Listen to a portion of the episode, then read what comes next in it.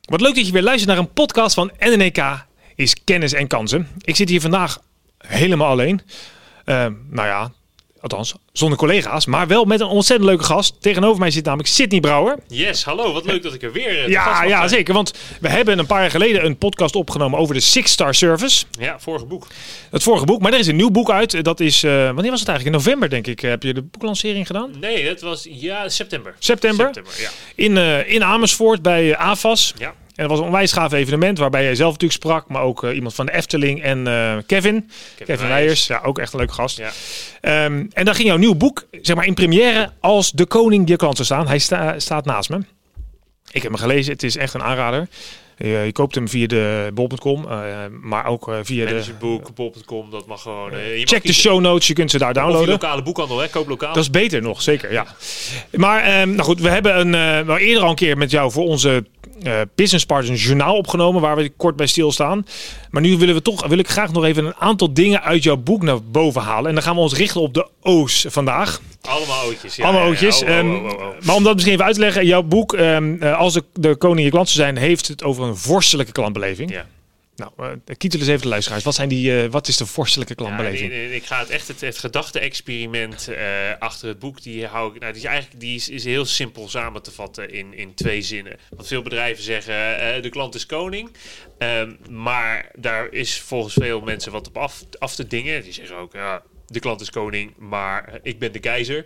Er wordt wel eens gezegd, of uh, welke ik mooier vind, de klant is koning zolang die zich hoffelijk gedraagt. Oh, ja. Dat vind ik ook mooi. Um, maar eigenlijk wordt het veel leuker als je het om gaat draaien.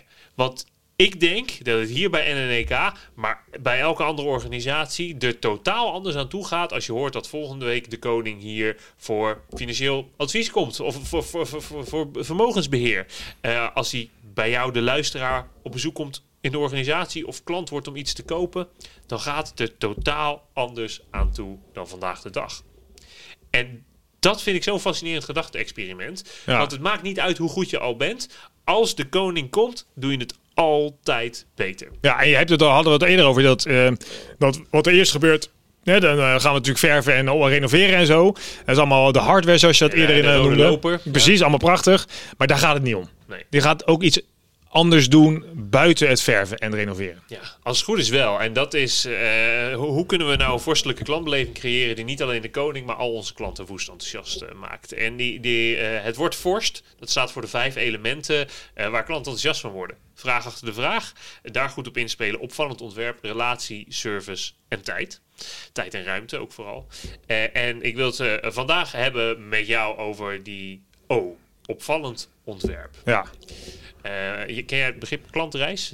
Ja. Klantreizen? Ja. ja. Voor, voor de mensen die niet helemaal gelijk duidelijk uh, voor ogen heeft. Kla elke klant gaat op reis met de organisatie waar hij mee zaken doet. Hè. Dat kan hij eerst oriënteren op de website, dan een keer een contactformulier invullen of misschien een belletje plegen. Eerste oriëntatie en eerste afspraak. Nou, dat zijn allemaal stops eigenlijk, of, of touchpoints noemen we dat in jargon in, in, in de klantreis.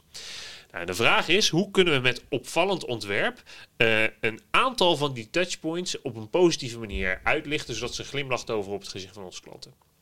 En om een heel simpel voorbeeld te geven, um, uh, uh, als je op reis gaat, als je met het vliegtuig gaat. Een van de touchpoints die alle klanten tegenkomen is dat ze moeten wachten op bagage. Ja. Eh, 80% van de klanten die moet daar bij de bagageband staan. En toen kwam ik op Toronto Airport. Die hadden die bagageband zo geverfd dat het lijkt op een rouletteband. Ah, ja. Met alle cijfers erop. Dus dan wordt het wachten wordt opeens een spelletje. Omdat mensen gaan gokken waar die volgende koffer op terecht komt. Welk cijfer? Nou, dat maakt het veel leuker. Dat noemen we een wachtverzachter. Het wachten Ja, ja, oh ja, grappig. wordt ja. leuker. En het mooie van opvallend ontwerp is... je hoeft het maar één keer te bedenken... en je kan er oneindig van genieten. Terwijl als service moet je eigenlijk afstemmen op elke individuele klant. Dus daar ben je eigenlijk bij elk klant mee bezig. Opvallend ontwerp, één keer bedenken, oneindig van genieten. En zo kan je uh, uh, standaard een positieve indruk maken bij uh, je klanten. Ja. Ja, en als je erover na gaat denken, zie je dat bij organisaties die de meeste mensen zullen kennen of als, als leuk ervaren of als klantvriendelijk, zie je dat soort dingen waarschijnlijk terug. Ja, ja. Ik, ik heb noem zo, ja, ik had ook al Coolblue, daar heb je ook wachtmuziekjes. Het gaat even duren. Kan je kiezen of je wel of geen wachtmuziek ja, wil. Of ook, ja, dus dat, dat soort dingen maakt het natuurlijk heel uh, uh, ja, maar, aardig. om over opvallend ontwerp, want jij, jij, jij noemt nu Coolblue. Um, het belangrijkste moment bij hun in de klantreis is dat het pakketje bezorgd wordt. Hm. Hun, probleem daarmee was is dat het altijd door iemand anders gedaan werd. Hadden ze, ze hadden zelf geen controle over die klantreis. Want uh, PostNL deed het altijd. Ja, ja, ja. Terwijl je hebt zo'n belangrijk moment en dat geef je, laat je dan door iemand anders doen. En daarom heeft Coolblue nu die fietscouriers. Dus die doen het allemaal zelf. Ja, ja. Daarom bezorgen ze hun eigen pakketje. Zodat ook dat laatste moment in die klantreis uh, op een positieve Voor mij zie je ook nog zelfs als je een sms krijgt wie er komt. Ja. Sydney is onderweg, hij is over 15 minuten bij je. Ja, ja, dat was mijn vorige baan. Ja, nee. ja, ja, precies.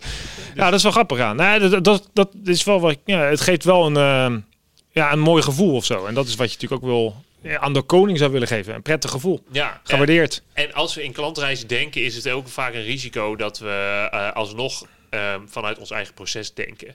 Uh, en, maar daarin niet de gaten de realiseren dat er tussen de stappen in het proces van NNK, dat daar momenten zijn waar de klant behoefte heeft aan communicatie, maar gewoon niet in, in, in, in jouw proces zit. Dus je hebt eigenlijk een gat in je klantreis. Ja. Als je het vanuit het perspectief van, van de klant uh, uh, beschouwt, wil die misschien wel eens na een, een, een, een maand horen hoe het eigenlijk is gegaan met, die eerste, met zijn eerste ja, inleg. Ja. En, en wat jullie ermee gedaan hebben. En misschien doen jullie dat wel, misschien ook wel niet. Maar ga proberen je klantreis eens echt eens te bekijken vanuit het perspectief van de klant. Dat is heel lastig, want je bent natuurlijk zelf, denk je, ja, maar dit is hartstikke goed en logisch. Dus hoe is het dan met, moet je dat dan in panels doen of zo? Of heb je daar ervaring mee? Nou, het helpt altijd om je eigen producten en diensten te kopen. Ja, ja zeker. Dat, ja. Is, dat doen al heel veel mensen, uh, doen al heel veel mensen niet. Uh, maar het gewoon ook is, uh, is te vragen. En we sturen meestal enquêtes. Nou, enquêtes zijn, ben ik matig enthousiast over. ze kunnen nuttig zijn, maar ze zijn niet een totale vervanging van gewoon mond-tot-mond feedback. Hè? Gewoon mens tot mens vragen. hey, Michiel, wat, wat vind je er nou van? Wat vind je? je? Je hebt mij geboekt als spreker. Um, hoe heb je dat nou ervaren? Hoe was contact met mijn assistent? Uh, had je eigenlijk nog vragen voorafgaand aan het event? Zo ben ik erachter gekomen dat events voor mijn klanten veel spannender zijn dan voor mij. Ik sta 80 keer per jaar op podium. Maar mijn, event, mijn klanten organiseren er maar eentje per jaar. Dus die willen drie dagen van tevoren nog wel even gerustgesteld ja, wordt dat ik het niet vergeten ben. Ja, en dat ik op tijd ben en, en, en dat soort dingen. Dus dat hebben we ingebouwd in de klantreis. Nou ja, grappig ja. Ja, dat is eigenlijk helemaal, dat, dat zei je al eerder, het is helemaal niet zo moeilijk. Nee. Nee, maar doen, het, doen het alleen niet. Nee, kijk, klantgerichtheid is in de kern geen rocket science. Um, en uh, ik krijg wel eens mensen uh, die mijn boek lezen of uh, naar een presentatie kijken en zeggen, ja, maar dat wist ik eigenlijk al wel. Ik zeg, ja, oké, okay, maar doe je het ook? Wanneer heb je voor het laatst echt een klant woest enthousiast gemaakt? Nou, dan blijft het vaak stil. Want klantgerichtheid, ik zei het al, is geen rocket science. Um, het is heel vaak common sense. Alleen het probleem is dat we het wel weten, maar niet doen. En klantgerichtheid gaat over elke dag met je collega's het een beetje beter doen voor je klant. Hoe kunnen we de klant vandaag beter van dienst zijn dan dat we gisteren deden? Want als je niet elke dag een beetje beter wordt, ga je vanzelf achteruit. Ja, en je hebt daar in het boek uh, beschrijf je gewoon een hele mooie methode om dat ook concreet te doen. Want er wordt ook nog gezien, het is als een soort van uh, als een enorme berg waar we helemaal naar de top moeten klimmen. Dit gaat ons nooit lukken. Terwijl met de vorstmethode, wij hebben hem letterlijk op kantoor hangen. Ja. Je zag hem net. Ja, dat geef je uh, bewust, het is met kleine stapjes, hè? een procentje per dag, bij wijze van spreken, nou, dan kom je al een heel eind. Nou ja, en, en, en dat is het, weet je, um, ik vind het altijd fascinerend om te zien hoe, uh, hoe mensen en organisaties vastzitten in patronen. Ze, ontzettend patronen hoe we denken, hoe we werken, hoe we elkaar behandelen, hoe we onze klanten behandelen. En als je een nieuw patroon creëert over hoe we beter kunnen worden met elkaar, dat doen jullie met het bord. Je hebt het bord opgehangen, iedereen kan daar zijn ideeën op kwijt. En één keer per maand kom je bij elkaar en zeggen we: Oké, okay, we hebben allemaal ideeën over hoe we het beter kunnen doen. Uh, doe je gewoon met, met, een glaasje bier en, en je poten op tafel. Dan zeg je: Hey, nou, dit zijn de ideeën die we deze maand hebben. Welke gaan we wel doen, welke gaan we niet doen? Zo creëer je een nieuw patroon die ervoor zorgt dat je je klanten elke ja. dag een beetje beter doet. Ja. En dat is eigenlijk waar het om gaat. Ja, gewoon bezig mee zijn, ja. hè, bewust van zijn. Ja, dat was de eerste O, hè, opvallend ontwerp, waar we mee begonnen. Maar er zijn nog een paar O's die wel belangrijk zijn. Vijf zelfs, ja. ja, ja precies. En die gaan eigenlijk over het kopje service. En de service heeft met een aantal dingen te maken, maar uh, onder andere komt om de hoek kijken als er iets fout is gegaan. Als er een klagende klant is, als er een boze klant is. En ja, het is, het is zo'n cliché, maar een klacht is een kans. En dat blijkt ook daadwerkelijk uit wetenschappelijk onderzoek. Um, dat op, op een moment, Marriott heeft ooit onderzoek gedaan naar zijn gasten en die hebben gezegd, joh, um, uh, hoe tevreden ben je met deze organisatie? Hoe enthousiast ben je over deze organisatie? Nou, klanten waar de hele klantreis prima was gegaan, niks op aan hadden te merken, die zeiden in 86% van de gevallen zeiden ze, we zouden terugkomen. Nou, prima. Vervolgens eh, check dus ook even de klanten waar iets fout was gegaan en waar het niet naar, gewenst, eh, naar wens was opgelost. Nou, dat, dat getal dat, dat, dat viel naar ergens richting 70%, wat nog steeds vrij hoog is. Ja, wou ik zeggen, ja. Maar toen gingen ze kijken bij gasten waar iets fout was gegaan, maar dat uh, niet alleen op een positieve manier was opgelost, maar ook overtreft, uh, overtroffen was op dat moment. Toen was het opeens 92% van de klanten die terug zouden komen. Dus een klacht is een kans en dat is ook echt waar. Het is, als, er, als er iets misgaat bij een klant, is dat het moment om te even te laten zien dat je er dan ook voor hem bent en hem nog enthousiaster te maken dan dat hij al was. En dat doe je met vijf stappen. En dat doe je met vijf O's. En die stappen beginnen allemaal met een O. En ja, wat is het meest irritante eh, en wat er gebeurt als je een vraag hebt bij een bedrijf, als je een klacht indient of als je zegt dat je een probleem hebt, dat de, degene aan de andere kant van de telefoon dan zegt? Ja, ik weet het niet, maar ik ga wel eens kijken of zo. Daarvoor moet u niet bij mij zijn, daarvoor moet u bij mijn collega zijn. Verkeerde nummer gebeld, kunt u een mailtje sturen. Dat soort dingen. Als dat... Oh, ik had het gisteren nog. Ik had precies gisteren nog. Ik werd gebeld door de Belastingdienst. Ja. En die, die bellen je nooit. Dus ik had een gemiste oproep en ik kreeg een mailtje van een collega. Ze had ook naar kantoor gebeld dat ik ze terug moest bellen over mijn aangifte. Nou, dat gaat echt alle nek haar overeind staan. Nummer klopte niet wat zij die vrouw had opgegeven. Dus ik belde naar de Belastingdienst. Wij weten hier niks vanaf. En dan zit ik dus nu. Nou ja, uiteindelijk is er voor mij niks fout gegaan. Maar zie ik toch een soort van halve stress van wat is hier nou gebeurd, weet je wel. En ja, ja kastje naar de muur, paarse krokodil, voor mijn gevoel. Ja. Mensen waren wel aardig, maar ik konden me niet helpen. En dat is de eerste, uh, is de eerste O. De eerste O staat voor Own It. En de, regel daarbij is wie het vindt, moet het hebben. Dus wie een klant met een probleem tegenkomt, die moet het hebben. Dat betekent dat je het of lost het zelf op, of je draagt warm over aan een collega die het op kan lossen. Maar geen kastje naar de muur. Eh, eh, als je moet zoeken in de organisatie, dat laat je nooit de klant doen, dat doe je altijd zelf. Ja, ja. Own it is de eerste stap. Tweede stap is oprechte empathie. Hè? Vaak als een, een, een, een, klant een probleem heeft of een klacht heeft, dan is de eerste emotie. En wat veel organisaties doen, is dat we gelijk naar de oplossing gaan. Uh, zonder dat we de emotie adresseren. Dus nou eens even oprecht empathisch zijn en even intunen op, op, op, op wat die klant voelt. En eerst zeggen, hey, dit is... Ik kwam een, een tweet tegen van een luchtvaartmaatschappij en die, uh, daar had een passagier getweet. Wat maak je me nou? Uh, je hebt niet alleen onze vlucht gecanceld, maar ook voor, voor andere vervangende vluchten onze 14 maanden oude dochter op een andere vlucht geboekt dan de twee ouders. Dat is een probleem. Dat ja, op zich wel. 14 maanden is nog net als jong. Ja, ja daar, is, daar zit emotie bij. En deze luchtvaartmaatschappij die reageerde in een tweet en die zei: Kunt u mij even de, uw gegevens sturen zodat ik kan kijken wat de opties zijn? Toen dacht ik: Hoezo kijken wat de opties zijn? Waar is de, dit had nooit mogen gebeuren, maar we gaan sowieso zorgen dat het opgelost wordt. Maak u geen zorgen om u goed te kunnen helpen. Heb ik uw gegevens even nodig? Maar dat hele stukje empathie, dat hele stukje adresseren van de emotie, werd overboord gegooid en gelijk naar de oplossing. Waardoor die klant nog steeds boos was. Oplossing is de derde O. Hè? Dus uh, uh, we hebben own it, we hebben oprechte empathie, we hebben oplossen en daarna komt overtreffen. Dat wordt vaak overgeslagen. Vaak denken we, oh, als een probleem is opgelost, dan is het daarmee klaar. Maar dat is niet waar. Want het zijn de sterkste emoties die herinneringen worden bij onze klanten. En als we een probleem slechts neutraliseren door het op te lossen, dan is die meest negatieve emotie, dat wordt vaak een herinnering. Terwijl als we die negatieve emotie overschrijven met een positieve emotie door een stapje extra te doen, door te overtreffen, mhm. dan uh, wordt die negatieve uh, emotie wordt overschreven door een positieve emotie, wat een herinnering wordt. Maar hoe doe je dat dan?